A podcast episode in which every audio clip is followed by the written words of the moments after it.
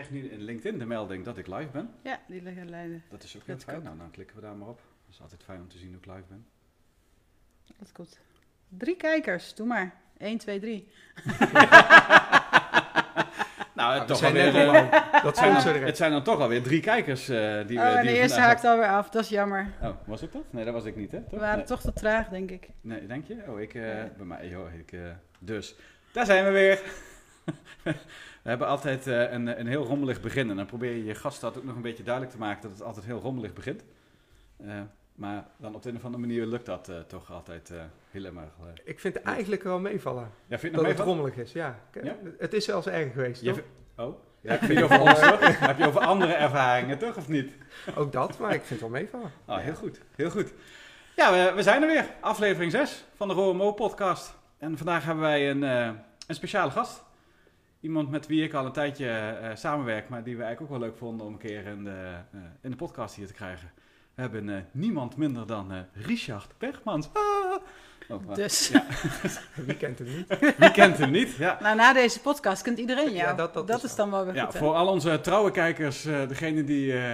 je zou Richard kunnen kennen van een paar dingen. Hij, heeft, eh, hij is instructeur geweest in de eh, tweede editie van Kamp van Koningsbrugge. Ja, ik ga je alvast introduceren, daarna mag jij Ja, ik heb dan niets meer te zeggen, dus dat is fijn. Hij is eh, instructeur geweest in het tweede deel van eh, Kamp van Koningsbrugge. Hij heeft een eh, managementboek geschreven, Green On. Misschien ook nog wel bekend. Hij heeft zijn eigen bedrijf. Hij is trotse papa, dat is dan ja, misschien ik- weer mee ik- iets ik- voor mij om te Nou, dat vertellen. wou ik net zeggen. Hij, Oh. is, eh, hij is vader. Hij is zelfs onlangs weer, weer vader geworden. Of mocht ik dat niet zeggen? Ja, mag Ja, zeggen. ja, zeker. Anders, ja. En eh, voor de rest gaat hij zichzelf nu maar even voorstellen. Ja, dat is vrij weinig. Ehm, ja, Richard, 34 jaar, woon in Roosendaal, altijd ook in Roosendaal gewerkt. Ehm, eigenlijk vanaf mijn middelbare school gelijk naar Defensie gegaan. Niet meer weggegaan tot een aantal jaar geleden. Ehm, ja, en toen eigenlijk door thuis besloten, omdat, omdat we gewoon veel weg zijn bij de korpscommandotroepen, 40 weken per jaar ongeveer. Ja, dat is toch best wel veel. Zeker veel. Ehm, Eerste keuze gemaakt om instructeur te worden. Nou, dat, dat was ook niet echt handig, omdat je daar ook gewoon nog steeds heel veel weg bent, heel veel van huis bent. En de keuze gemaakt om eigenlijk mijn droom, die ik, waar ik alles had afgevinkt op mijn bucketlist, om die te, ja, af te sluiten, dat hoofdstuk. En eh, commercieel te gaan werken. Gewoon bij een normaal bedrijf, een productiebedrijf. En zo doorgerold en nu, eh, nu mijn eigen bedrijf. Heel cool. Leuk, Gaaf, hè? leuk. Ja, gaaf. Ja. En gaaf om je hier te gast te hebben. Eh, nou, jullie kennen het format inmiddels. We hebben hele mooie gekleurde briefjes. We hebben geen idee welke vragen Richard gaat antwoorden. Dat weet Richard zelf namelijk ook niet. Eh, dus we zijn heel benieuwd. Ik weet in ieder geval zeker dat het ro is. Wat is ro ook alweer ro? Rauw en onvoorzien. Onverwachts. Nou ja, Onverwachts. wat maakt het uit? En meest onvoorbereid. Want ja, als je het meest onvoorbereid bent, krijg je het mooie, het mooiste en eerlijkste Het verhaal. Ja, toch? Dat was het volgens mij, hè? Jeetje man. Dat was goed. ons- Ga jij het eerste briefje... eh, Ja, eh, jullie zijn heel benieuwd. Ja. Ik, eh, Overigens even voor de beleving. Je mag ook best vragen terugstellen. Oké. Ja, dat, is, eh, dat schijnt in een gesprek best leuk te zijn. Als een soort zo'n monoloog. Mag ik ze ook aan jullie stellen, de vraag? Of En is dat, niet eh, voordat je ze zelf Maar hebt dat, ja, precies. Zou ik eentje pakken? Graag. Er zit heel veel geel in. Rood. Waarom weet ik niet, maar... De vraag die je nooit wilde beantwoorden. Tadadadam. Heb je ooit iets gedaan waarmee je in de problemen kwam? Oeh. Ja, ik denk ja. Sowieso ja. Vertel. Iets wat je wilt delen. Mag delen, Ja, kan dat- delen. Wil Als ik iets delen. wil delen, ja. Werk of privé? Maakt niet uit. Wat jij wil. Geef als details. Nee, ik, ik denk sowieso werkgerelateerd en dan, eh, dan zeker in mijn tijd bij de Special Forces. Ja, dat, eh, talloze keuzes gemaakt waarvan je achteraf spijt hebt gehad. In welke hoedanigheid dan ook. Dus ik, ik zou zo niet, niet 1, 2, 3 eentje kunnen of willen benoemen. hè, Ja. Omdat dat ook niet handig is. Maar ja, best wel vaak dat je achteraf na gaat denken van... Is dat tactisch gezien wel heel juist geweest? Of is dat ook ethisch gezien wel de juiste keuze geweest Ja. om te doen? Ja, en ik denk zeker in mijn laatste uitzending, die was in 2016 in Afrika. Nou, da- daar zijn wel wat dingen gebeurd waar ik achteraf heel veel spijt heb gehad. Dat ik op bepaalde momenten niet gelijk heel eerlijk en heel duidelijk tegen mensen ben geweest. En daar heb ik wel heel veel van geleerd. Wat, maakt, wat maakt dan dat je daar spijt van hebt?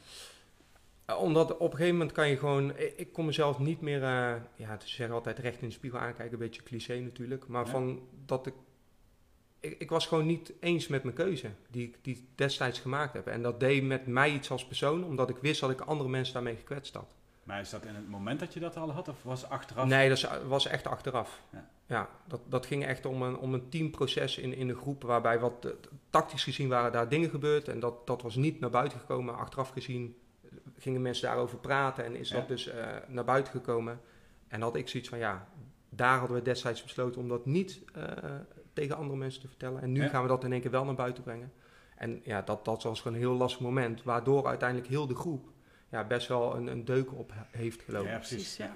En hoe ga je dan daar dan daarna mee om? Want als je het zo vertelt, dan, dan merk ik aan de energie die hier heerst dat het best wel impactvol is geweest. Hoe ga je daar dan nu mee om? Als je daar nu. Ja, ik, ik denk destijds ben ik er mee omgegaan door heel veel te gaan praten. Heel veel met andere mensen te gaan praten. Hun inzichten ja, eigenlijk eigen te maken of kijken hoe andere mensen naar kijken. Ik vond destijds heel belangrijk hoe mensen naar mij keken. Ehm, Ja. En dat heb ik door dit incident heel erg naast me neer kunnen leggen. Ik denk van ja, maar ik ben Richard en ik ben gewoon wie ik ben. Ik ga me niet anders voordoen omdat de andere mensen willen dat, dat ik op een bepaalde manier reageer. Ja. Ja. Ehm, en nu ben ik er wel heel blij mee, want voor, me, voor mijn gevoel was dat echt wel een levensles die ik, die ik daar Oh. toen geleerd heb. En Wat mooi. wat nog heel vaak nu, dat ik denk van, als ik reageer op mensen, dan, dan probeer ik echt heel intens eerlijk te zijn. Dat ik nooit meer dat moment hoef te voelen, want Ja, dat was gewoon heel oncomfortabel. Ja. En dat is gewoon helemaal niet leuk, zo'n moment. Wat een leerschool dan, hè? Ja, Ja. precies. Ja. Ja, mooi. Maar dit zijn natuurlijk ook dingen die eh, mensen, je hebt dan natuurlijk eh, wat eh, vanuit de Special Forces die ervaringen. Maar dit zijn natuurlijk ook ervaringen die eh, in het dagelijks leven bij de gewone manager natuurlijk ook gewoon spelen. Dus vandaar ook mijn vraag ook van wat maakt nou dat je er echt spijt van hebt? Want in het moment is het waarschijnlijk de goede keuze geweest. Ja, ja dat, eh, zeker. Voor, voor, hè, en, en zeker in die context moet je gewoon daadkrachtig zijn, moet een besluit genomen worden. En prima, dat ja. is dan ook zo. Ja. Eh, maar achteraf, ja, had ik daar gewoon heel veel moeite mee. Zeker omdat het met, met mijn beste vrienden, het zijn collega's, maar eigenlijk met mijn vrienden te maken had. En dingen uit elkaar gaan vallen. Ja. En je eigenlijk bijna ruzie krijgt om iets wat niet eh, had hoeven te gebeuren. Ja, precies. Ja. Ik heb een eh, NLP-opleiding gevolgd. Het zijn eh, twee Amerikanen in de jaren 60 die eigenlijk gedrag hebben gemodelleerd voor mensen die heel succesvol waren. En kijken welke overeenstemmingen zitten daar nu tussen. En op basis daarvan hebben ze de vijf- 15 NLP-regels opgesteld. En één daarvan is: het gedrag wat je laat zien, was het beste gedrag wat je op dat moment had kunnen kiezen. En dat is, ik vind dat een heel mooi uitgangspunt. Het sluit heel mooi aan op jouw verhaal. In het moment zelf was het gedrag wat je liet zien het beste gedrag wat paste. En de kracht zit er dan inderdaad in dat je dan achteraf gaat reflecteren en denkt van nou, misschien was het toch niet zo handig, had ik het anders kunnen doen. En dan zeg ik ook altijd tegen andere mensen, je kan het altijd weer corrigeren. En dat is wat je hebt gedaan. En ik denk, wat heel veel mensen nalaten, is er dan daarna over praten. Het niet corrigeren, en dan gaat het aan je knagen. En misschien erkennen dat met de wetenschap die je met name achteraf hebt, het niet de juiste beslissing is. En dat Ja, is dat altijd is makkelijker. ja, maar dus- als je maar dan ook kan toegeven, hé, dat was gewoon niet zo handig, dat was niet zo slim, laten we erover praten. En we praten het uit. Ik denk, nou, weet je, prima, niks aan de hand. Maar als je er maar in gelooft dat het gedrag op dat moment niet fout was. Ja, nou, wel- heel Dat mooi is, wat- eh, jij zegt. Hè. En dat was in dit specifieke geval ook dat mensen die niet bij die operatie waren, dat die uiteindelijk achteraf gezien een hele stempel gedrukt hebben op dit incident. Ja, en hun mening Ja. is eigenlijk heel groot geworden, terwijl ja, zij waren er niet. Nee, precies. ja. Nee, nee. En vandaar ook mijn vraag ook, want ik word altijd enorm geprikkeld als mensen zeggen, ik heb ergens spijt van. En ik, ik, voor mij in ieder geval het woord spuit, dat, dat spijt. Ik, heel eerlijk, als ik, als ik überhaupt naar mijn eigen leven kijk, ik heb nergens spijt van. Echt spijt, want ik vind spijt iets heel negatiefs. Zijn er misschien bepaalde keuzes die ik anders zou hebben gemaakt?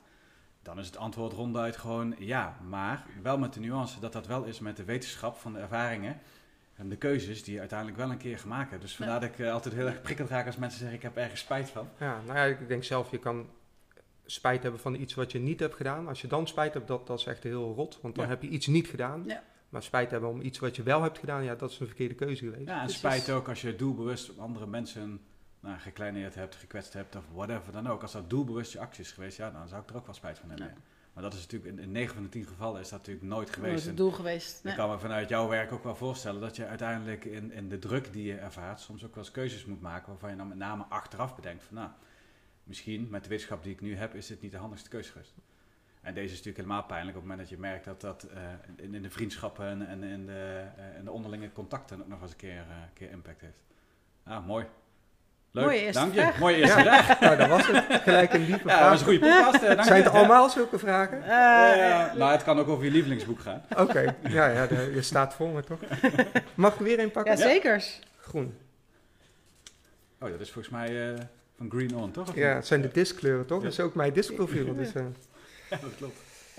Ehm, wat is op dit moment je grootste passie? Ah, ja, ja dat, ik denk wel eh, gewoon hetgeen wat ik nu aan het opbouwen ben met mijn bedrijf. Eh, naast natuurlijk privé, eh, een, een derde kind gekregen, een dochter. Maar ik merk gewoon dat ik heel erg gefocust ben op, op hetgeen wat ik heel leuk vind. En hoe komt jouw passie tot uiting? Hoe zie ik dat jij gepassioneerd bent voor wat je doet? Omdat ik er zelfs nu dingen door ga laten. Oh, ja. Die ik, die En je ik gaat anders nu heel stralen. belangrijk. Ja, Ja. en dingen die ik voorheen belangrijk vond, vind ik nu even wat minder relevant. Omdat, ja, andere prioriteiten. Kan je een voorbeeld noemen wat je dan nu bijvoorbeeld niet doet wat je anders wel had gedaan? Ehm, nou ja, ik, ik denk toch wel, en dat, dat is misschien wel lastig om te zeggen, maar ik, ik ben super erg gesteld op, op mijn kinderen. Maar ik merk gewoon dat, dat soms dat ik ehm, de prioriteit werk-privé dan eh, ga prioriseren naar mijn werk. Ja. Of prioriteren naar mijn werk. Ja. Terwijl dat niet mijn intentie is. Alleen ik, ja, ik krijg ook van, van Amy, mijn, mijn jongste dochter, krijg heel veel energie. Ehm, ja, voor mij, ik, ik, heb, ik vind kinderen heel leuk, kinderen, maar baby's, ja, daar, man heb ik daar niet zo heel veel mee. Oké. Eh, Misschien komt dat ook wel, maar ja, ik krijg gewoon nogmaals heel veel energie eh, van. En misschien word je ook wel een leukere vader doordat je soms voor je werk kiest. Want dan kom je ook weer anders terug. Nou, laatst had ik eh, ook dat gesprek met iemand en eh, de laatste vier jaar ben ik gewoon, heb ik een 9 tot 5 baan in principe. Dus ben ik best Ja. wel veel thuis. En voorheen was ik veel weg. Ja. En dan merkte ik dat de momenten dat ik thuis was, dat ik ook echt thuis was. Ja, Ja, heel erg intense. precies. Ja. Ja, Ja, en nu ja, ja, ja. ja, ben je vaak gewoon heel de avond thuis en worden dingen wat gewoner. En Ja. Ja. merk ik dat de momenten, die, ze- die zijn nu heel veel op een dag, dat Ja. die minder ja, leuk zijn of intens zijn Ja, dan... minder bijzonder, minder Ja. speciaal. Ja, ja. Dat is ja. wel grappig. want deze- Dat gesprek hadden wij afgelopen weekend, weekend daarvoor, hadden wij dat ook. Ja, dan wij weet dat? ik- Ja, dan weet ik, dan weet ik niet of dat, of dat man eigen is, Was ik maar, daarbij? Nee. maar ik, ik, herken, eh, ik herken het. Ik, ik zei nog tegen jou eerder deze week, dat als je het vergelijkt met, eh, eh, nou ja, met name dan met, ook met, met, met pre-corona, dat is dat zeg maar ook ons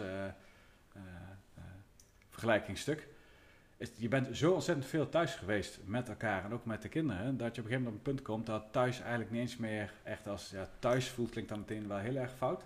Maar daar waar, als je het heel zwart-wit benadert, thuis wel die plek is waar je weer even moet bijkomen, even moet bijtanken, waar je weer even kunt genieten van al het andere wat niet werk is, is dat zo geblend geraakt nu, eh, ja, dat dat inderdaad op die manier zo niet altijd meer voelt. Dat je op een gegeven moment ook wel denkt van, nou, weet je, ik heb nu wel even genoeg tijd met jullie gespendeerd, we gaan nu even wat anders doen. eh. Ja, maar dat, dat is ook rust voor je hoofd. ja, dat ja, denk ik ook. en ik denk ook niet dat je kinderen op één zetten betekent dat je altijd met je kinderen bezig moet zijn. Nee, Nou, ik denk dat je kinderen op één zetten juist is wanneer ben jij de leukste versie van jezelf. Dat vind ik Nou, misschien wel dat je van de acht uur per dag en zes uur niet bent. Ja. Omdat je dan de twee dat je er wel bent helemaal toegewijd bent. Ja. Ik denk dat dat echt een misvatting is. Ik word ook geen leuke moeder als ik de hele dag thuis ben. Je kan mij beter gewoon af en toe in laten. En soms vind ik het heerlijk om thuis te zijn. Maar vooral ook je eigen dingen blijven doen. Ja, volgens mij zit het in die mix. Dus ik vind... eh, ik merkte dat je het een beetje dacht van, eh, kan ik dit wel zeggen? Maar ik Oh, denk, maar oh, ik ik begrijp het eh, helemaal hoor. De, de vraag ervoor was altijd eerlijk zijn, dus ik zeg het Ja. wel, ik moet alleen even juist zeggen. Ja, Ja, maar maar ik denk, is- eh, helemaal geen schande. Ja, wij, Nee. wij zijn vorige, vorige week zijn wij, eh, zijn we een paar dagen weg geweest. En dat was voor het 50-jarige huwelijk van mijn, eh, van mijn ouders. Nou, de kinderen natuurlijk helemaal stuiterend toen we gingen naar Disneyland, eh, Disneyland Parijs. Oh, cool. En eh, nou ja, weet je, die, dat is natuurlijk allemaal spannend en sensatie. Dus die zijn al weken van tevoren, hebben ze bij spreken al slapeloze nachten. En wij, hebben op de, wij zouden op donderdag eh, zijn we gegaan. En op eh, woensdagavond waren wij gewoon nog aan het werk. Ook vanuit het wetenschap van ja, we gaan nog even nog niet mee in die bubbel. Want we hebben nog een hele hoop andere dingen liggen nu. En nou, ik heb daar helemaal ook echt last van als er iets in mijn hoofd zit. En het blijft in mijn hoofd, dan word ik daar over het algemeen niet de meest leuke persoon van. Dat moet er gewoon uit. Het moet gewoon rusten, anders blijft het heel erg borrelen. En dan kan ook een mug kan mega olifant worden. En dat heeft een ontzettend impact op mijn eh, gemoedstoestand. Ja, dat heb ik door de jaren heen heb ik dat ook wel, eh, ook wel geleerd. En nou, in dit specifieke voorbeeld wist ik ook van ja, als ik een leuke papa wil zijn straks in Disneyland Parijs, moet mijn hoofd leeg zijn. En dat betekent dus gewoon dat papa dus tot woensdagavond aan het werk is. En dus nog even niet meegaat in de bubbel van koffers inpakken en wat gaan we meenemen en hoe gaan we door het park heen lopen. In de wetenschap, maar dat zei ik na de hand ook, dat we uiteindelijk daar in Parijs zijn geweest. En dat ik die dagen dat we zijn geweest, volgens mij nog geen seconde aan bedrijven of andere dingen heb gedacht. Dan alleen maar in het hier en nu zijn. Ja. En genieten op dat moment van het plezier wat je met je kinderen op dat moment dan hebt. En dat is voor mij inderdaad ook wel het meeste waard. Ik ben, eh, ga ook altijd meer voor de kwaliteit dan voor de kwantiteit. Ja. Als we dan bij elkaar zijn, moet het leuk zijn. En anders niet. ja. Toch? Ja, dan mag maar maat oplossen. Nee. Nee. Mooi gesproken. daar, daar heb je mama's voor. Ja. nee. Balans, balans. Ja, Mooi. leuk. Mooi man. We leren je nu al beter kennen. Leuk Ja. man. Ja, ik vind het ook wel grappig. Ik, eh, ik ga er snel doorheen, of valt het wel mee? Nou, we hebben nog honderd andere briefjes. Dat is dus allemaal relatief, hè?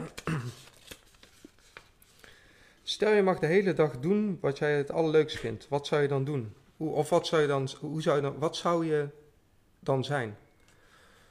Wat zou ik, ja, wat zou ik doen de hele dag? Als ik heel de dag mag, eh, ja, ik, ik kan niet de hele dag hetzelfde doen. Nee? Dus dat zou niet één Nee. ding zijn. Nee, daar word ik heel eh, onrustig van. Ik denk toch wel een, een mix van, van werken, sporten, privé. Eh, Ik weet niet, ik kan nu niet zeggen twee uur dat, twee maar ik moet de afwisseling hebben. Als ik heel de tijd achter een laptop zit, word ik gek. Als ik heel de dag een lezing moet geven, word ik gek. Ja. Als ik heel de dag moet sporten, hou ik niet vol. ja, precies. En de hele dag met de kinderen wordt ook, jij bent toch Special Forces Ja. geweest? Jullie zijn toch van, van staal? Ja, Zo, ja zeker weten. Ja, mes tussen mijn tanden. Ja, precies. Nee, een lastige vraag, maar ik denk wel, een, eh, hoe jij hem schetst ook, echt wel een, een- het, de beste, het beste uit jezelf halen met een juiste balans in, in heel veel zaken. Ik merk de laatste tijd dat ik veel aan, het wandelen ben, omdat ik daar heel erg tot rust kom. Eh, gewoon niet fysiek actief zware eh, activiteit eigenlijk, maar wel om even mijn hoofd leeg te maken. Ja, precies. Met een lekker muziekje op. Ja, ja, ja ik ken nog wel een goede... Ja, ik ken een Oh, goede je bent meteen alweer aan het vissen, hè? Sorry. Oké, knip, knip. Maar heb je dan wel een, eh, volgorde die je het fijnst vindt? Heb je precies, als ik 's ochtends opsta, doe ik het liefst eerst dit of dat? Maakt je dat Nee, niet nee uit? ik ben ook niet van de routines. Dus ik heb niet dat ik elke ochtend eh, ontbijt en dan dit, dat, dat helemaal niet. Het is vaak hoe de, hoe de dag loopt.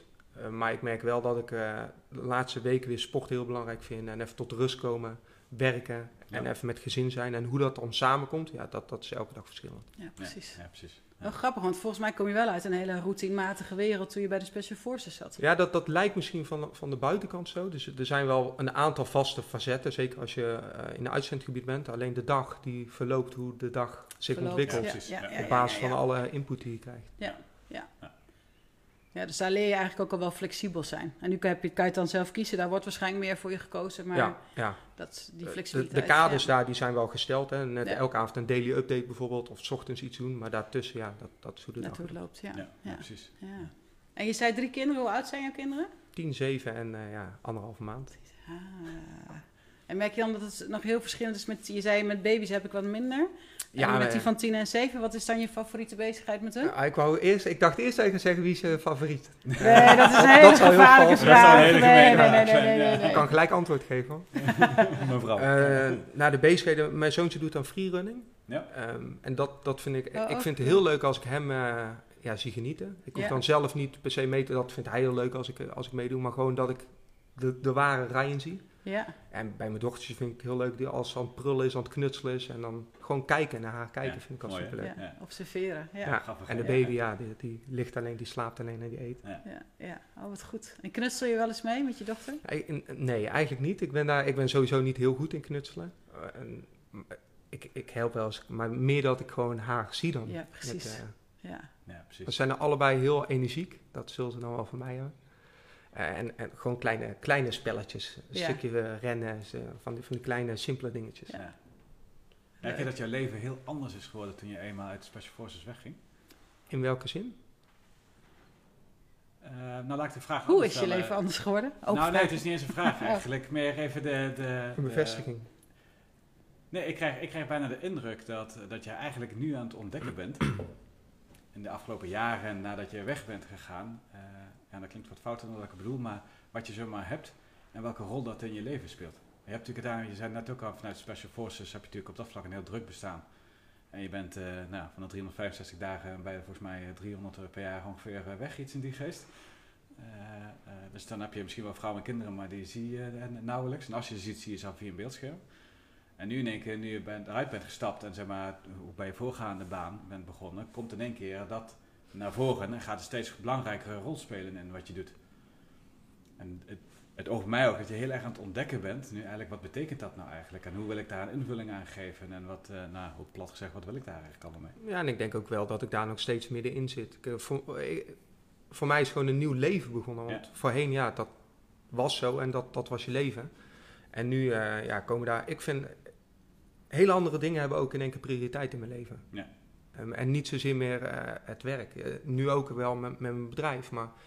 Bij de commando's wil ik altijd de beste zijn in, in mijn vakgebied als sniper. Dat wil ik nu ook wel, maar op een andere manier. En ik vind het ook fijn om vrienden te zien die ik voorheen eigenlijk nooit zag. Naar een festival te gaan, op terrassen zitten. Ja. Eigenlijk voor, waarschijnlijk voor jullie hele normale dingen die Ja. iedereen altijd doet. Ja, Vind ik heel bijzonder. ja Kan precies. ik Ja, echt dat- van genieten. Precies, ja, en dat is, eh, dat is wat Mooi ik een beetje wil, want dat voel ik, dat proef ik een beetje.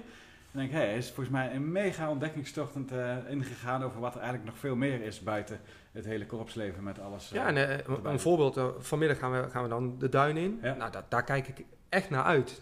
Om, om- ik ben niet vaak in de duinen. Dat, dat, daar kom Nee, ik dan weer tot rust. En Ja, dat is voor mij een Ja. hele andere Ja. wereld. Ja, leuk. En hoe is het voor jouw gezin? Want voor hun is het natuurlijk ook een omslag. Ja, ik, ik heb wel eens met, eh, met Vera, mijn vrouw, erover. Die, die zegt wel eens van ja, superleuk dat je thuis bent. Alleen ik heb ook een leven. En ik Ja. heb het altijd op een bepaalde manier gedaan. Exact. En nu komt jij, kom jij in één Ja. keer instappen. Jij hebt ook een Ja. mening. Maar Ja. eh, Ja. Ja. ja, maar dat kan ik me helemaal voorstellen. Voor haar is het ook een omschakeling. Ja. Ja, Ja. en zeker eh, de laatste periode ben ik gewoon veel weg. En dan ja, zegt ze ook, is dat de eerste weggegaan. Drie jaar lang ben ik alleen maar thuis. Nou, daar werd ze een beetje moe van. En nu ben ik weer heel veel weg. Ja, precies. Ja, Dus ja, ik moet er even een goede modus op branden. Ja. Wat wil je nou, Ja. Richard? Ja. ja, ja, ja, Ja. ja. mooi. Maar dat doet me denken aan mijn, eh, aan mijn ouders. Het, eh, eh, we hebben vanuit vroeger eh, hebben we ook wel een redelijk reizend eh, bestaan gehad. Door, vanwege het werk van mijn vader. En hebben we ook veel in het buitenland gezeten. En op een gegeven moment kwam mijn vader weer terug naar, eh, naar Nederland. Het was zeg maar het reizen met de hele familie was wel een beetje voorbij. Daar hebben ze, begreep ik achteraf, vind ik ook wel grappig, dat besef je in het moment niet. Maar achteraf hebben ze daar ook heel bewust voor gekozen om meer stabiliteit voor mij en mijn zus eh, te creëren. Zodat we ook nog ergens een kans hadden om een leven op te bouwen. Even vanuit het idee, wij verhuisden elke drie jaar. Dus eh, vriendjes en vriendinnetjes, dat, eh, ja, dat was allemaal oppervlakkig, want dat was op een gegeven moment toch weer voorbij. Maar mijn vader bleef wel reizen. Weet je, het bloed blijft toch kruipen waar het niet gaan kan, dat idee. En die ging dus heel veel naar het buitenland, die was heel veel weg. En die, nou, die ging s ochtends om 7 uur de deur uit en die kwam s'avonds om 8 uur kwam die weer thuis als hij in Nederland was. Toen ging hij met pensioen. Nou, dat was drama. Dat was echt verschrikkelijk. Daar ik op een gegeven moment hele gesprekken met mijn moeder heb gehad over de vraag van is het niet verstandiger om te gaan scheiden, want dit wordt het niet. Want die, konden, die hebben zoveel moeite gehad in het begin om te wennen aan elkaar. Precies wat jij ook zegt. Ja, mijn moeder was op een gegeven moment natuurlijk ook dat hele sociale gemis, zeggen, van mijn vader was ze gaan invullen door, nou, we hebben een keer geteld hoeveel clubjes is mijn moeder. eh, Ja, die heeft elke dag wel tien clubjes volgens die heeft mij. Elke dag wel heeft ze een wandelclubje, een tuinclubje, een hobbyclubje, een schilderclubje, een cultuurclubje. zijn allemaal clubjes. En ineens was mijn... En, en, dan ging- en ze ging dan letterlijk ook gewoon stofzuigen ergens op de dag wanneer het haar uitkwam.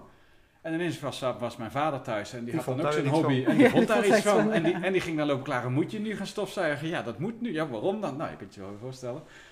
En die, eh, die hebben daar... Ik denk dat die zeker wel... Nou, twee of drie jaar hebben die echt nodig gehad om gewoon weer opnieuw aan elkaar te wennen. En met name te wennen aan elkaars aanwezigheid. En elkaar nou, binnen bepaalde zeg maar, gezinskaders, zullen we zeggen, elkaar de ruimte en de vrijheid te geven om wel te doen eh, wat, ze, wat ze willen doen en te blijven doen wat ze, wat ze deden. Ja. Ja, maar goed, maak het klein. Als je, zoals wij, je werkt, je werkt de hele week, je bent weg, je bent in het weekend thuis. En dan denk je, moet ik er dan voor de kinderen zijn, maar ik wil ook iets voor mezelf doen. Dat je dan ook elkaar letterlijk de ruimte moet geven. Ja. Zoals jij met je DJ-hobby, dat ik zeg, joh, ga alsjeblieft even een uurtje DJ'en, want dan kom je weer tot rust. Ik merk gewoon dat je er behoefte aan hebt. Maar dan moet je elkaar ook die ruimte kunnen geven en durven geven en ook ruimte durven pakken. Ja. En dat soms denk je dat er een bepaalde rol achter ligt dat dat niet kan of zo. Maar ja, je wordt er echt geen leukere, leuke mens van. Nee, en dan denk ik inderdaad dat wij mannen over het algemeen nog wel sneller de ruimte pakken Dat denk ik ook, ja. dan, eh, dan de vrouwen dat, eh, dat doen. Vrouwen hebben toch ergens denk ik altijd een beetje een ingebakken, ja, bijna zorgplicht richting Ja. de kinderen. Nou, het mooiste voorbeeld was toen wij kinderen kregen, dan hadden je mama en papa dag. En ik vond, wel- mijn mama dag, dan ging ik ook nog de was doen en strijken en weet ik wat. En jij ging dan koffie drinken. En dacht ik, eh, hoezo ga treinen je koffie drinken met de kinderen? Je moet toch wat in huis doen? Toen dacht ik, fuck, ik wil ook koffie drinken. Waarom kan ik dit niet? En dan kwam ik s'avonds thuis, was je koffie gaan drinken en zei ik, waarom is de was niet Ja. gedaan? Oh ja, dat was de reden dat ik ermee was gestopt. Nee, maar dat is inderdaad een soort van eh, raar iets in het, in het vrouwelijk systeem dat je dan iets moet of zo. Ja. Maar wij zijn heel veel aan het praten, heb je dat in de gaten? Onze gast is veel te stil. Ja, slim hè? ja, maar daarom gaat hij nu Hij gaat nu weer een doen, briefje? Ja. trekken. Wij gaan ons een Oranje, beetje hè? inhouden. Moet mij nou. 80 stuks, dan moet ik nog even. Hoe inspireer je andere mensen? Kijk. Ja. Kijk. Maar mijn eerste indruk zou zeggen, en, en dat, jullie kennen me wel een beetje van, ik heb niet het idee dat ik anderen inspireer. Dat, dat is hoe ik als persoon ben. Maar als ik dan ga kijken waarom mensen eh, nu vragen of dat ik kon spreken, is dat wel de achtergrond. En, en niet dat dat goed of fout is, maar Ja. gewoon een andere kijk op, op dingen geven en mensen laten zien dat je mentaal en fysiek gewoon heel veel kan. Als je maar eh, een bepaald doel hebt of hè, bepaalde kaders erin hebt. Ja, precies. Dat is een heel kort antwoord. Weet je wanneer ik je inspirerend vind? Zoals nu. Als je dan je stralende lach laat zien en dan gaan je ogen gaan twinkelen. Ja, dan hang ik aan je lippen. Want dan zie ik, nu komt het echt... Je, je antwoord net was een beetje klinisch, een beetje uit je hoofd. En op een gegeven moment zie ik dan aan je dat je erin gaat geloven. En dan denk ik, ja, dan ben je gewoon een mooi mens. En dan denk ik, oh, nu wil Ja, ik alles dat- van je weten. Ja, en dat, dat, ik denk vaak de, de verhalen natuurlijk zijn heel inspirerend. Ehm, m- zelf heb ik dat niet, omdat dat, ja, voor mij is dat, of dat we gaan autorijden is ook eh, een beetje Ja. wat je gewend bent. Alleen schijnbaar voor andere mensen werkt dat, ja, werkt dat heel veel interesse. En dan kunnen ze daar soms wel heel veel energie uithalen of nieuwe ideeën. Ja. En dat vind ik heel leuk om daarover te sparren. En wat maakt het dan inspirerend, denk jij? Dat, eh, het, het Special Forces verhaal, zullen we zeggen? Dus die, dat achtergrondstuk? Niet eh, zo sturen. Wat maakt het dan inspirerend? Ja. Oh, sorry. Oh, ja. M- Misschien het. Special Forces. eh, nou, wat dat, maakt dat- het dan zo inspirerend, ik denk dat, eh, dat dat enerzijds wel. eh, en ook omdat ehm, vaak als ik ergens aan binnen kon lopen, nou, vanochtend zei je het al van Richard, oh, je bent toch weer iets anders dan dat ik me voor kon stellen. Mensen die hebben niet, die associëren mij niet met een commando. Nee. En, en dat Nee, vind ik altijd, altijd super leuk, omdat ja, dan heb je gelijk eh, de, die, ja, die barricade is een beetje weg. Dus mensen Ja. denken wel, wie, wie komt, er komt een commando, nou dan kom ik binnen, dan heel, heel veel mensen teleurgesteld. maar dat, dat is voor hun wel het idee van, ah, maar dan als Je die jongen verwacht- Als zij dat het kan, kan ik Nee, je verwacht toch dat stuk staal met die mes tussen Ja, de tanden, hè? ja, Dat- dat- en dan dat- komt Richard. Maar wat verwachten ze dan, denk je? Wat denk je dat ze voor ogen hebben? Echt wel een, eh, een- ja, heel veel mensen kennen Ray van, van Kamp van Koningsbrug, Ja. zo'n persoon. Ja. Dat is natuurlijk een beetje de commando van, van een aantal jaar geleden, hè? Dat, het, het stereotype commando. En nu zijn het, ja, je hebt ook heel veel meegewerkt, Ja. ah, studenten. Je hoeft niet groot en sterk te zijn. Nee. En Nee. dat is ook wel iets om mensen mee te geven. Van ja, we kunnen Maar- zoveel. Die wil ik wel weer leggen, want verwachten we ook niet Ray, omdat we hem nu twee keer in een programma hebben gezien als commando. Denk je dat als je hem op straat tegenkomt, dat je dat... Nou, de- de- ik denk dat Als ze zouden tussen jullie moeten kiezen, dat ze iedereen zeggen, oh, dan is het Ray? veel wel. En dat komt eh, door alle Hollywood-films. Ja, als je Ja, daar over een commando Ja, praat, dan zie je Arnold Schwarzenegger en grote mensen. En dan zie je nooit Ja. een student lopen in normale kleren. Nee. Fair enough. Ja, Ja, eigenlijk is dat wel ook wel vet, want dan heb je inderdaad wel meteen een hele goede binnenkomer. Ja, dat, dat, dat is ook superleuk. En dan moet je wel mensen associëren zich gelijk met je. En ook mijn idee, Ja. toen ik bij een andere eenheid zat, dacht ik ook commando is groot en sterk, totdat ik ermee ging werken. En toen dacht ik letterlijk, ja, maar als jij dat kan, dan Ja. moet ik dat, ja, Ja. dan zou iets in mij dat ook toch moeten ja. kunnen. Ja, maar ergens is dat wel cool, want dan wordt het opeens bereikbaar en niet zo van heel ver weg. Inderdaad. Je ja. bent gewoon de buurjongen die toevallig ook commando is, in plaats van de commando. Dan ben je... Eh, zeker. En zo bijzonder anders. is het ook niet. Hè? Ik, ik vind de bakker op de hoek bijzonder, want als ik brood ga bakken, dan ja, verkloot Ja. ik ook mijn brood. Ja, dat precies. vind ik Ja. weer eh, iedereen Ja. zijn ding. ja, Grappig, hè? mooi. Lachen, leuk. Maar ik, ik, vind, ik vind het toch wel leuk, even vanuit die vraag. Hè. Wij eh, hebben het afgelopen, wat is het, nu twee, drie jaar dat we elkaar kennen? Zoiets. En we eens met enige regelmaat wel eens wat dingen gedaan. Ik vind het eigenlijk wel grappig om te horen wat jij dan teruggeeft met de vraag over eh, het inspiratiestuk. Ik vind jou het meest inspiratievol eigenlijk helemaal niet op het moment dat je Special Forces verhaal aan het vertellen bent. Maar als je aan het vertellen bent over de gevoelslaag die daaronder zit met wat het je gedaan heeft. Zoals je dat toen straks vertelde over het incident in, eh, eh, in Afrika. Daar denk ik, hé, hey, maar daar zit het echt inspiratievol in. Want je bent 2,33 geloof ik, toch? 34 zei je. 34, ja. Eh, en dan denk ik, joh, met je 34 jaar, als ik dat dan eens vergelijk met toen ik 34 was. En als ik dat dan mag extrapoleren naar eh, een hele hoop andere mensen die 34 zijn, die dat soort levenslessen allemaal niet hebben. En dan heb ik het even niet over het feit dat je dat dan bij de Special Forces al op die jonge leeftijd zou kunnen opdoen. Eh, maar daar, zit voor mij de inspiratie in. Hetgeen wat het met je gedaan hebt, de, de, de- het, het stukje ratio, maar ook het besef dat bij alle stoere heldendingen van Stalen met het mes tussen de tanden in die end er gewoon een mens achter zit die ook van vlees en bloed is en die ook gewoon pijn heeft en die ook strubbelt, die ook eigenlijk 360 dagen per jaar weg is, maar eigenlijk gewoon zijn vrienden mist en ook naar een festival wil en die een vrouw en kinderen heeft en ergens ook nog wel eens de vraag heeft van goh, hoe, hoe moet ik dat in balans houden met elkaar? En dan merk ik, als, als ik dan met jou over dat soort dingen praat, denk ik, ja, daar zit de inspiratie voor mij. Ja, en dat, dat is wel eh, moeilijk. Kijk, één op één gesprek of zo met een klein groepje is dat best wel makkelijk om daarover Ja. te hebben. Maar ja, met grote groepen mensen is dat gewoon lastig om in die laag te komen. Ja, dat is misschien ook niet wat ze van je verwachten. Hè? Als je inderdaad dan komt om te spreken, dan verwachten ze ook die stoere Special Forces van. Ja, die, die krijgen ze ook vaak niet, toch? Ik, ik vind dat, eh, het is echt een ver van mijn bedshow, want één, ik, ik hoef me daar niet mee te associëren met die stoere verhalen, want dat Nee. ben ik niet. Nee. Eh, en daar gaat het ook helemaal niet om. Nee, Als we Nee. leuker met elkaar willen gaan werken, dan Ja. is dat, dat is alleen een middel. Ja, ja, ja. Mooi. Ja, mooi. Ik denk dat ik dat heel inspirerend vind. Dat de bescheidenheid die je daarin Ja, zit toont. een stuk relativering zit erin. Nee, maar ook echt wel bescheidenheid. Zo van, eh, wat jij zegt hè, voor een buitenstaander, die denken dan misschien, wow, dat is een soort van het summum en meer dan dat, eh, het hoogst haalbare, zeg maar. Want het toch elite is en niet iedereen kan dat. En dat jij zegt van, joh, doe even normaal, want die bakker om de hoek, dat zou ik niet kunnen, dat vind ik net zo gaaf. En Ja. ik denk, dat maakt je heel bescheiden als persoon. En dat vind ik heel mooi, want daarmee je neemt wel al die bagage mee. Maar het is niet van, joh, hallo, hier ben ik en ik ben eh, de world greatest. Juist, Ja, nee, ik eh, denk en ook dat niet, vind ik wel eh, mooi. Iedereen kan alles leren. Als, ik, ik heb geen universitaire studie gedaan, maar als je mij vijf jaar naar school stuurt, heb ik ook dat papiertje. Zo is het ook met de commando. Ja. Ja. Ja. Ja. Ja, Oké, hij, past- hij heeft een culture fit, maar Ja. alles is te leren. Zelfs nog Ja. binnen een jaar, want binnen een Ja. jaar word je commando. Ja, eens. Dat is grappig. Ja, dat vind ik echt Ik kan- heel mooi. ik kan Dus, eh, sorry eh mijn- uh, commandotroepen, maar Nee, geen nee, eh, maar ik kan, me- ik kan me verkoopplaatje. nog herinneren dat tijdens mijn boekschrijfproces had ik eh, met name in het begin dat ik daar heel veel last van dat ik, dat ik eh, zeker ook als buitenstaander, dat corruptie ook op een heel groot eh, standbeeld eh plaatsen. En echt, nou, ik zat nog net niet zo bij spreken als ik in, eh, in Roosendaal kwam. En dat eh Bart toen eh, eh, eh, daar op een gegeven moment een keer wat van gezegd had. Nou, daar schrok ik van. Van, je moet daar gewoon eens mee ophouden. We zijn gewoon net mensen. Maar dat zei hij op een toon. Nou ja, je kent eh, Bart. eh, nou, die, die heeft wel zo'n gezicht wat ik een beetje prototype eh, eh, commando eh, vind. Goed. Dus je, je schrikt daarvan. En de volgende keer, deed, de vorige keer, volgende keer deed ik dat kennelijk weer. En toen zei hij er niets van. Alleen zei hij, nu ga je even met mij mee. En toen wa- was toevallig waren toen net de... eh, nou weet ik niet meer of dat de ACO of de VCO eh, eh, toen liep. Dus dat is de, de opleiding, hè, voor degenen die dat niet weten. En die waren op de kazerne.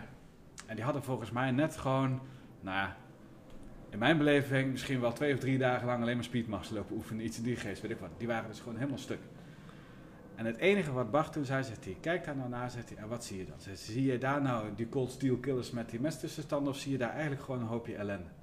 Ja, ik zie eigenlijk alleen maar een hoopje ellende. Zegt hij, en onthoud dat nou maar, zegt hij, want dat is gewoon wat het korps is. Zegt hij, het verschil is alleen, wat doen we dan met die ellende die we voelen?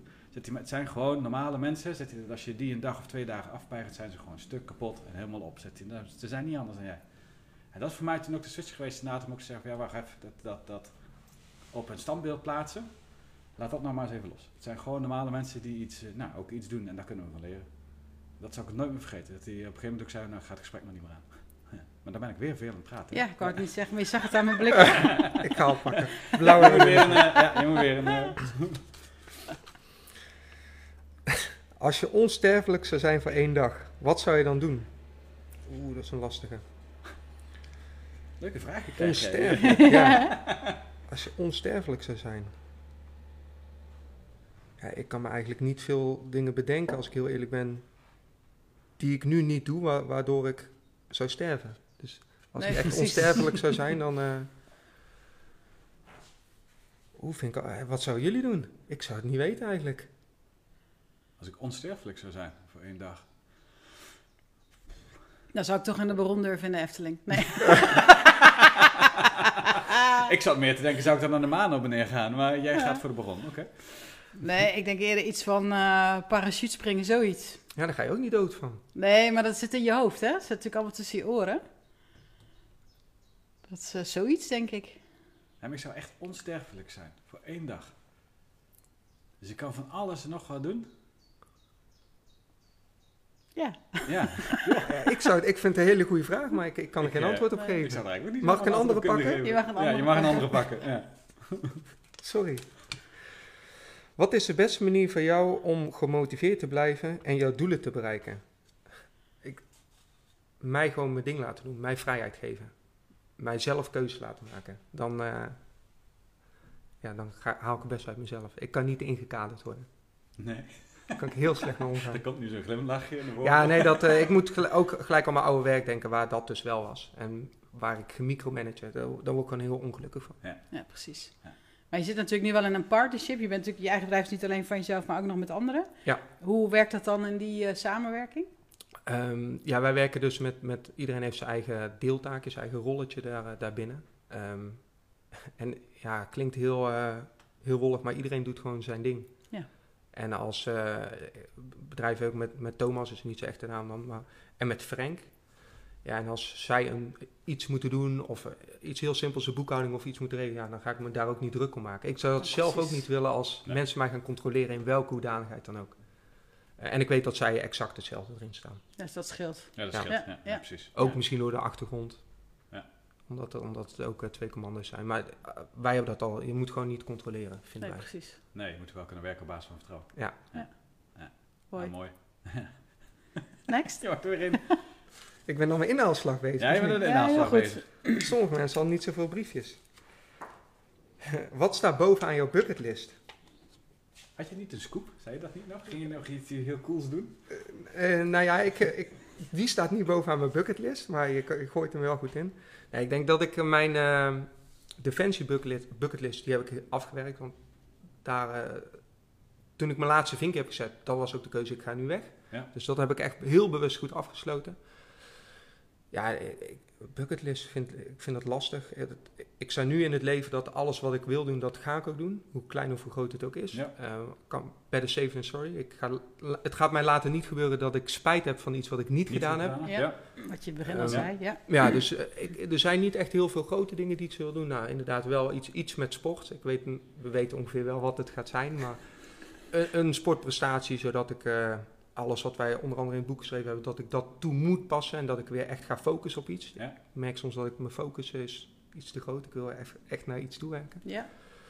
Ehm, nee, ik heb nu niet echt dingen waar... Ik heb niet bijvoorbeeld iets, ik wil naar Zuid-Afrika of zo. Dat, dat, Nee, eh, Ja. dat, eh, op dit moment heb ik gewoon heel veel waar ik heel gelukkig mee ben. Heb jij iets op je Cool. bucketlist? Heb ik iets op mijn bucketlist? Ja, ik zou nog wel willen reizen. Ja? Waarna? Waar naartoe? Eh, ik zou heel graag een keer Australië en Nieuw-Zeeland willen zien. Dat lijkt me echt heel vet. Eh, maar Canada lijkt me ook heel gaaf. Gewoon meer reizen. Als ik ergens spijt van heb dat ik dat na mijn studententijd niet heb gedaan. Ik heb wel wat gereisd, maar zeker toen we net begonnen met werken, dan als ik terugkijk, denk ik, oh, hadden we maar meer gereisd. Dat lijkt me heel gaaf. Ja. Ja, en waar ik wel van droom, we hadden het toevallig over de Triangular Group. En je vertelde dat ze twee mooie boerderijen hebben, dat je zo huiselijk binnenkomt, bladibladibla. Nou, wat, ik weet niet of het bucketlist is of in ieder geval droom. Maar het lijkt mij heel gaaf eh, om een locatie te hebben waar je ook mensen kan ontvangen, waar mensen kunnen blijven slapen. Waar je gewoon echt een experience gewoon op locatie kan bieden. Eh, want ik ben ook wel echt die gastvrouw, dus zeg maar in die combinatie. Ja, dat lijkt mij een fantastisch. Droom hadden we denk ik tien jaar geleden of zo Ja. al. Een keer in Maastricht, waar Ja, we het over ook wel op het oog, maar je komt maar niet te koop. en financieel was er ergens nog een kleine uitdaging. Ah, ja. Maar eh, nee, dat lijkt me wel heel vet. Dat je het nog ronder kan maken, nog unieker, nog meer die experience meegeven. Ja.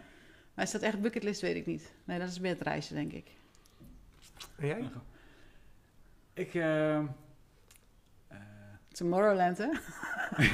Ja, om te draaien Dan toch, eh, ja, ja, dan, oh, dat is ook wel een- ja, dan heb ik er twee. Die eh, Tomorrowland had ik nog niet aan, eh, aan gedaan. Nee, dat, eh, vanuit de muziek inderdaad lijkt me dat wel onwijs vet om gewoon echt in, gewoon een keer voor 60, 70.000 mensen op zijn podium te staan. Dat lijkt me echt wel heel vet. Volgens mij scheid ik alle kleuren bij elkaar, maar dat lijkt me zoiets cools als mensen helemaal meebewegen op nou, wat jij ze voorschotelt. Nee, waar ik, wat, wat ik echt nog heel graag een keer zou willen doen is een, een, een, een, echte, een echte hardcore su- survival ervaring. Maar dan ook gewoon ook, echt. Weet je, we kijken met enige regelmaat wel eens graag naar eh, nou, Expeditie Robinson. eh, vind ik al wel, eh, lijkt me wel, wel leuk, want dat draait natuurlijk meer om het spel. En daar is het survival stuk is natuurlijk een essentieel middel om het spel te kunnen spelen. Ehm, maar we kijken natuurlijk ook wel eens op Discovery Channel of National Geographic van die, van die survival programma's waar mensen echt, echt, echt helemaal back to the basics moeten.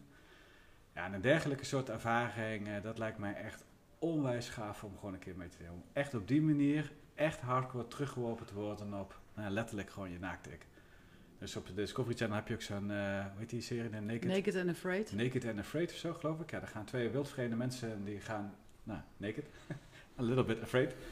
Worden ze ergens eh, de outback van, weet ik veel waar, eh, gestuurd met alle gevaren die de natuur en eh, de outdoor met zich meebrengt. En daar moeten ze dan, nou volgens mij zelfs negen dagen, het is best lang. Ja, Dat ze moeten dan doen. zo'n tracking maken hè, naar het eh, ophaalpunt, zeg maar. Ja. Ze hebben niks B. bij Maar zich. ze hebben helemaal niks bij zich, dan alleen maar een tasje waar de microfoon in staat. Dit, en, dit is eh, best wel makkelijk eh, en, eh, te organiseren, toch? Als dit nou. hoog aan je bucketlist staat, het, het kost niet heel veel geld. Het, het- Nee, dat is waar. Ik zie hier iemand die met liefde het voor je Nou uitstippelt. ja, ik, ik schrijf het wel voor je. Ja, precies. Het is alleen een stuk grond toch? En dan, eh, Ja, nee, maar dat lijkt mij, eh, dat, dat, dat lijkt mij echt heel erg gaaf. Om een keer te doen. Ja. Om gewoon echt die ervaring eh, mee te kunnen nemen. En, eh, eh, nou, in, in de rest van het leven, zou ik zeggen. Ja, dat lijkt mij heel Nou, tof. dan eh, vliegen we naar Australië, dan drop ik jou Ja. in de Outback en dan haal ik je negen dagen later weer op. Nou, goed plan. Ja. Nee, maar dan laten we dat dan anders doen. Want je hebt namelijk ook van die hele grote festivals in, eh, eh, weet het, in Zuid-Amerika. Dan ga ik eerst draaien voor 60.000 man. jij kan, ja, dan heb je hem wel. en dan gaan we de, nacht- de dag daarna gaan we dan wel de Outback in. Hoezo we? Dit was jouw bucketlist. dan loop ik wel de Inca-trail, dan ga jij dat maar doen. Ja, heel goed. Ja. Dus dat, eh, ja, dat staat bij mij nog wel hoog op de bucketlist. Dergelijk soort, eh, ja, lijkt me wel heel vet. Dus, ja. ja, voor mij geen extreme dingen, excuus. Nee, niet hè? Nee, ja, het schijnt dat ik al veel extreme dingen gedaan heb. In al zijn bescheidenheid. Bij welke dier in de dierentuin Oh, kijk. blijf je wat lange tijd staan? Ik moet heel eerlijk zeggen, het is al heel lang geleden dat ik naar een dierentuin geweest ben. Waar ik dus, eh, nou ja, bang is een groot woord, maar waar ik niet veel mee heb. En in de jungle training vond ik dat dus niet leuk. Zijn spinnen en slangen. Meer slangen nog. Spinnen, dat, dat mag wel over, maar slangen heb ik gewoon, eh, vind ik geen, geen fijne beesten. Waar blijf ik dan lang staan? Ja, ik vind het gewoon fascinerend om naar, dan, als ik daar dan ben, naar beesten te kijken. En vaak dan hoe oude beesten zijn, vind ik dat leuk om te denken hoe die dan in die tijd geleefd hebben. Ja. Maar het is niet eh, dat ik er specifiek denk van, oh, bij de apen, daar wil ik even gaan kijken. Ik, nee, daar Je hebt ben ook niet een dier waar je aan relateert? Je Nee, denkt, hé, hey, ik, ik voel Nee. een tijger. nee, helemaal niet. Nee, verre weg. Of leeuw. Een pandabeertje of zo. Oh, Ja, zo'n- lekker zo'n knuffelbeertje. koala. Nee, dus er zijn niet echt eh, eh, dieren waar ik eh, echt een goede relatie mee heb. Of waar ik echt door gefascineerd ben. Nee. Veel in de jungle wel eh, dieren opgegeten natuurlijk, ge- gevoeld, eh, iets mee gedaan. Maar nee, slangen hoef je niet... eh, Nee, die hoef je niet bij jou Nee. mee aan te Ja, ik zou me, als het moet en hier sta je, dan zou ik natuurlijk dat, dat ding om mij hangen, maar eh, liever niet dan wel. Nee, Als het oh, niet hoeft, mooi. ja. Misschien wel een leuk uitje met je kinderen naar de dierentuin. oh ja, dat, dat is wel leuk hoor. Ik, Ja. ik ben dan wel weer een beetje eh, snel verveeld, want ik vind dan alles een beetje hetzelfde. Dus dat kan, Ja. maar dan gaan we heel even bij de olifanten kijken en dan na een minuut dan, leuk de olifanten, kunnen we niet door. als je dat- Precies. Ja, ja, Ja. Ja. Oh, zegt verder jou, niets eh, over mij, denk ik. Maar bij jou in de omgeving eh, waar jij woont heb je, hoe heet het, bergen daar? Nee, eh, nee, niet bergen. De Beekse Bergen. Beekse Beekse Bergen, Nou, ja. dat vonden we niet zo bijzonder. Daar zou ik dan niet zo snel naartoe gaan. Nee, niet? Nee. Maar dan krijg je wel een beetje dat eh, Sahara. En, Ja, Nou, nee. ik ben dus Dat in, tijdens een van de dat uitzendingen mooi, was ik dus in Afrika. En toen eh, hadden we ook het briljante plan om de Big Five te gaan, eh, ja. gaan bezoeken. Dus we hebben gewoon iemand op straat aangehouden. Voor zijn doen heel veel geld gegeven. Zo van, jij rijdt ons heel de week. Dat was allemaal zo geregeld. Maar ja, het duurde zo lang voordat je die vijf beesten ziet. Ja, geen garanties hè. We, hebben ze, we hadden ze allemaal gezien. Maar ja, op een gegeven moment zie je, zie je een van de Big Five. En dan dacht ik, ja, Is dat het nou? Lekker had dan. ik ook gewoon in de dieren. Daar had ik namelijk dichterbij kunnen staan. Ja, maar dat is Ja. anders. Dit is een natuurlijke habitat. Ja, ja dat zeker. Ik heb, Ja. Zo heb ik het niet ervaren. Nee, dat merk ik eigenlijk. Dus als mensen over de Big Five praten, ja, het is superleuk. Alleen ik vond het uh, tegenvallen. Ja, en dan zie je die eerste antiloop en denk wow! En dan zie je de duizendste antiloop. Ja. Ja. Mooi. Ja, ja grappig. Prettig een mooi stapeltje te worden hier. Ja, hè? Ja. Ja, ik geef gewoon korte antwoorden. Ja, Wat is voor jou een klein geluksmomentje? momentje? En dan bedoel jullie in het algemeen? Gewoon, Wat jij maar wil delen als die vraag eh, aan je wordt gesteld. Nou, ik had dus van de, en dat is wel heel klein, maar ik, eh, ik was met iemand eh, was ik aan het praten. En als je het dan hebt over eh, iets in iemand zijn ogen zien, die had dat dus. En daar werd ik, daar werd ik gewoon super gelukkig van. Dat ik, daar, ik vond het zo leuk om, om die ander gelukkig te zien. En je zag dat ook echt gewoon. Je keek in iemand. Ja, dat, dat zijn kleine momenten waar ik nu heel veel geluk uit kan halen. Nou, En wat zag je dan? Ja, die persoon was gewoon heel gelukkig, heel geïnspireerd en oprecht eh, ook wel geëmotioneerd. En dat, ja, je ziet dat, dan kijk je gewoon, ja, Ja. ik, het is moeilijk te omschrijven, maar ik keek gewoon bij die persoon eh, Recht in de ogen. ziel. Ja. Ja, Ja, en dat, dat was gewoon een heel mooi moment. Ja. Bijzonder. Ja. ja grappig hè? Mooi. Dus als je het dan over kleine dingen hebt, dan Ja. eh, ja. Ja. kan ik daar ook van genieten. Ja, Ja, dan heel mooi. heel veel energie uitputten waarschijnlijk. Ja, Ja, Niks aan toe te voegen. ja niks Ik aan te zeg, doen. eh, Nee. ja ik heb echt gewoon dat door. ik Ga heel, eh, gewoon door. Ik ga zo vragen aan jullie dan stellen. Als je alle tijd van de wereld had, wat zou je dan doen?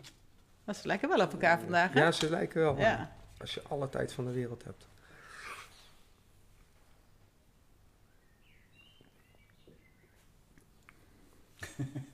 Nou ja, de, ja, Hij zou de tijd nemen in ieder geval. ja, ik wou ook zeggen, neem je tijd. Ja. Ja, ik, ja, weet ik niet. Ik heb soms wel zo, kon ik de tijd nu maar stilzetten om langer van een moment te genieten. ja. Ehm, maar het is niet dat, dat als ik alle tijd van de wereld zou hebben, als ik nu een jaar lang in, op deze dag zou leven, of dat, dat de tijd, dan zou ik niet andere dingen gaan doen. Nee. Ik zou niet anders gaan leven. Ik zou misschien wel meer van bepaalde momenten gaan genieten. Ehm, maar ik zou niet in één keer dingen gaan doen die ik anders niet, niet zou doen, denk ik. Ik vind het wel mooi. Ik merk als rode draad door je antwoord dat je heel erg in het hier en nu leeft. Heel erg, ja. Ja. Is ook. Ja. Ik, ik Ja. sta echt wel anders in het leven dan eh, drie, vier jaar geleden. Ja. Ja. Ik vind dat wel heel gaaf. Ja, ik ook. Dat vind ik dus ook heel, ook heel inspirerend. En Ja. Misschien wel raar, want eh, in die tijd deed ik voor, voor andere mensen hele extreme dingen. Ehm, en nu hecht ik daar helemaal geen waarde meer aan. Dat was voor mij gewoon werk en ik, niet speciaal. En ik vind dit allemaal veel... Ja, Ja. Dit, dit heeft echt betrekking tot mij als persoon, tot mij als Richard. ja Hoe wie ik jij bent. leven, het draait Ja. nu om jou. Ja, Ja. En Niet wat er van je verwacht Ja. wordt, maar gewoon wie je Inderdaad. daar Ja. was ik gewoon een pion in het geheel. In het totaal, ja. Ja. En misschien had je dat wel nodig om je nu zo te kunnen voelen. Ja, dat, dat, ik denk, dat zeg ik tegen heel veel mensen. Als ik nooit commando was geworden, was ik waarschijnlijk een heel... Niet dat ik nu een hard persoon ben, maar een heel soft, teder jongetje zonder eigen mening. Ja, En precies. dat heeft mij wel gebracht wat ik nu ben. Ja. Grappig. Heb je überhaupt ooit iets anders overwogen? Dat was voor jou vanaf dag één dat je leefde bij spreken al... eh, Wel, wel heel vroeg, ook omdat mijn opa eh, was commando, Ja. mijn oom eh, bij Defensie, mijn broer bij Defensie, mijn, mijn vader dan niet. Eh, dus ik wilde altijd wel bij Defensie en meer omdat eh, ik wilde, ja het klinkt heel, heel raar, maar ik wilde iets bereiken in het leven. Kan natuurlijk op heel veel manieren, maar Ja. dat was mijn, mijn doel. En ik vond teams gewoon fascinerend hoe, hoe het zo kan zijn dat je een band of brothers hebt. Ja. Ja. Bestaat dat wel echt? En als dat een hoe, ik wil daarbij horen. Ja. En heel vaak eh, te bang geweest om, om te falen, om iets niet te halen. En, maar eigenlijk ging het me altijd best wel goed af. En eh, het lukte me. En toen dacht ik, ja, maar eigenlijk kan je alles worden wat je wil. Als je gewoon maar een doel hebt en je wil. Dan, Ja. en, je, en je echt wil, dan, dan kan je het halen. Ja. En dat werd steeds bevestigd en bevestigd. En daarom vind ik dat leuk om nu tegen andere mensen te zeggen. Ja, Omdat het kan ook echt. En is er echt een Band of Brothers? Ja, ja de, van de week had ik het nog met, eh, met iemand erover. En dat, dat ging eh, over. eh, we hadden het over hoe. Iemand zei tegen mij van. Ja, maar bij Defensie is alles anders. In het bedrijfsleven kan je geen band of brothers. Dat, dat, dat hebben we niet. En daar was ik het niet mee eens. Ehm, ik heb dat heel erg met, met Frank en met Thomas. Alleen Daan, de co-auteur van het boek, heeft ook nooit bij Defensie gezeten. Alleen voor hem zou ik ook... Ik zou voor hem hetzelfde doen als voor de andere twee jongens. Dus dat is er wel. Alleen ehm, mensen denken, die associëren dat gelijk met schieten. En Ja. daar, daar Ja. krijg je dat helemaal niet door. Het gaat om eh, gedeelde normen en waarden die je hebt. Dezelfde belangen die je hebt. Ja. Ehm, en daardoor denk ik, ja, dat, dat is er zeker wel. Ik vind een band of brothers als jij vanavond opbelt en ik, ik ben ergens anders in Nederland, dat ik alles laat vallen en naar je toe kom of je te woord staat. Ja. Dat vind ik een band of brothers. Ja, precies. Dat heeft niets met de actie te maken of, of met andere dingen. En heb je het ook wel eens niet gevoeld met iemand met wie je op uitzending was? Jazeker. Ja? Ja. En wat doet het dan met je op dat moment? Ja, dat, ja. Ik weet niet zo goed wat het met me deed, maar meer dat ik dan naar andere mensen trek, met wie ik dat wel heb, om er gewoon over te praten. En dan is het heel zakelijk. Van ja, we moeten toch met elkaar gaan werken. Ja. Ehm, en om dat doel te bereiken, moeten we dit nou eenmaal met elkaar doen. Maar ik ga niet een bakje koffie straks met je drinken. Dat, Nee, dat hoeft niet. Nee, Ja, laat je dan achterwege. Ja. ja. Dus dan is alleen het functionele. Ja, precies. En lukt dat dan ook?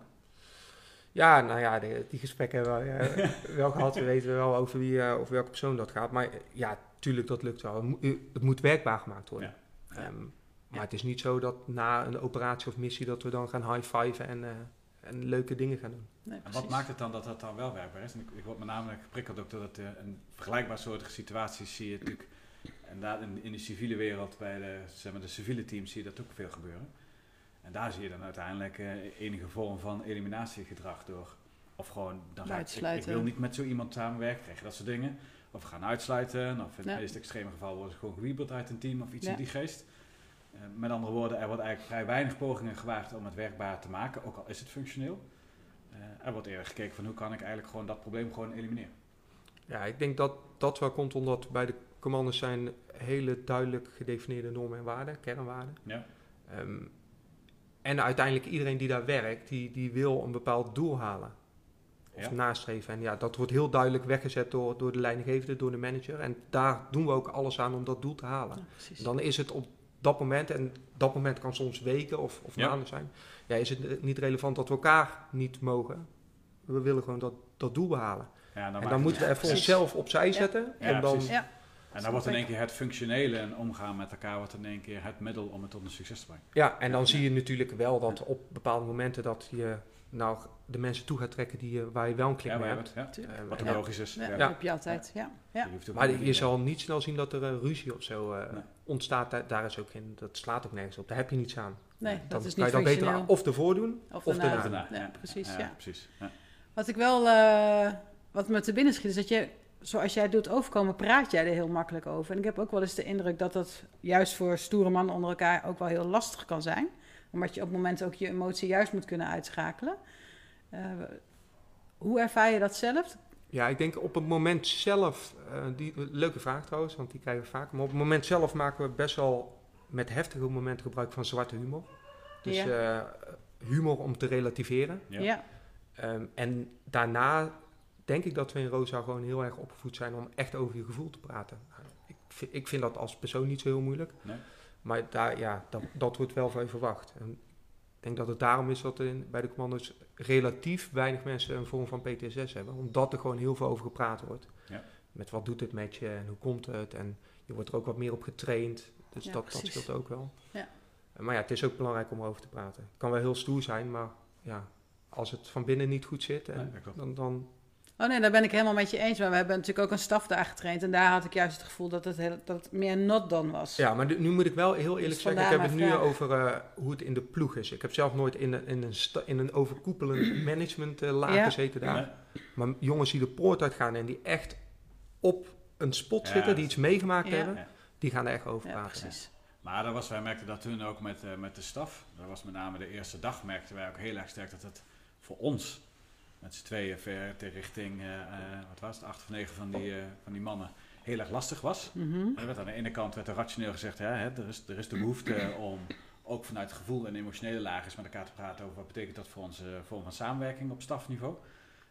Versus ons, die als buitenstaander kwamen, die die groene baret Ja, ook niet eens, hadden. Hè, want dat heeft natuurlijk ook een bepaald eh, beeld Ja. erbij. Ja, Die eerste dag hebben wij toen met de bloed, zweet en tranen zijn we daardoor doorheen gekomen.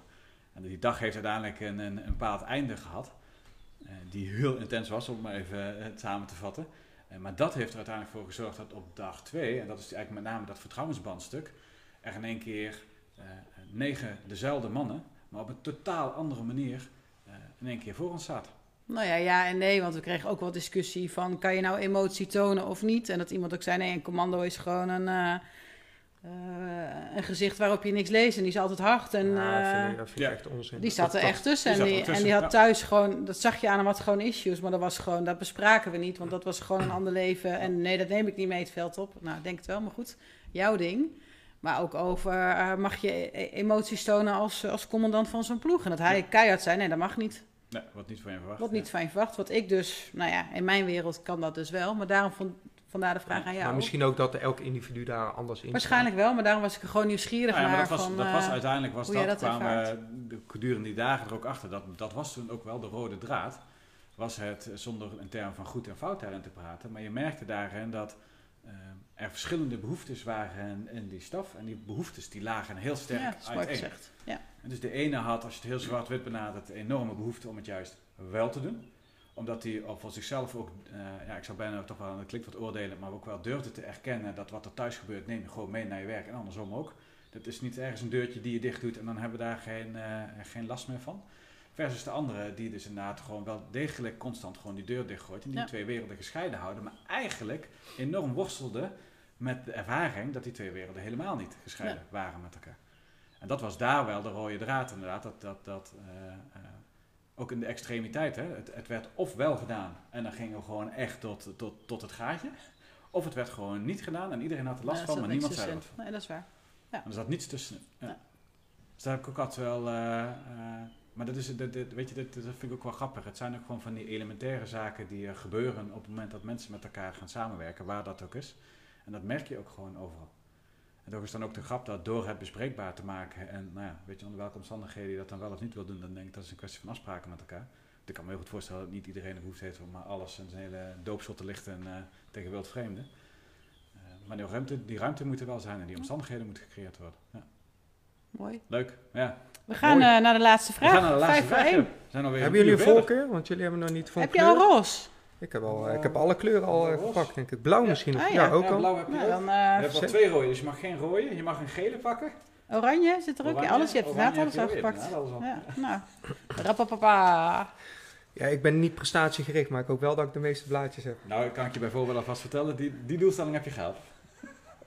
Wat zou je nog willen leren? Kijk, dat is wel een mooie afsluiter. Ja. En dat is gelijk ook wel een moeilijke. Ja, allemaal lastige vragen. Ja, je wilde een keer iets ik denk dat ik nog, eh, ik zou willen leren wie, wie, wie ik echt als persoon ben. En dat is natuurlijk een hele oppervlakkige, maar ook een hele diepgaande vraag. eh. maar ik merk gewoon dat ik nu mezelf opnieuw aan het uitvinden ben, leren kennen ben. En wie, ben, wie is Richard nou eigenlijk? Ga ik ook niet vandaag weten, ga ik ook volgend jaar niet weten. Nee. Maar ik ben wel be- daar heel erg benieuwd naar hoe dat eruit zal zien. Welke dingen ik echt belangrijk vind. In plaats van wat mensen van mij vinden, waarvan zij denken die ik belangrijk vind. En wat doe je om dat te leren? Eh, heel veel eh, dingen gewoon proberen.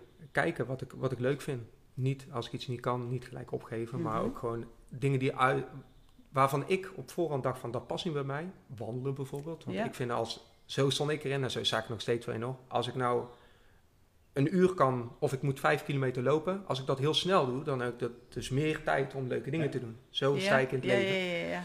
Terwijl, ja, nu ga ik, gisteren ben ik ook een uren met de kleine gaan wandelen. En dan denk ik van ja, ik vind dan wandelen eigenlijk helemaal niet leuk. Maar ik kom er nu achter dat dat dus eh, voor mij headspace creëert. En dat ik andere dingen Dat eh Ja. daarmee naar boven Ja. haal. Dus ik, ik ben oprecht benieuwd hoe ik, ja, hoe ik over een jaar in sta. Wat leuk. En Wat Leuk. eigenlijk Het Richard is een heel bijzonder antwoord. Ja, heel mooi antwoord.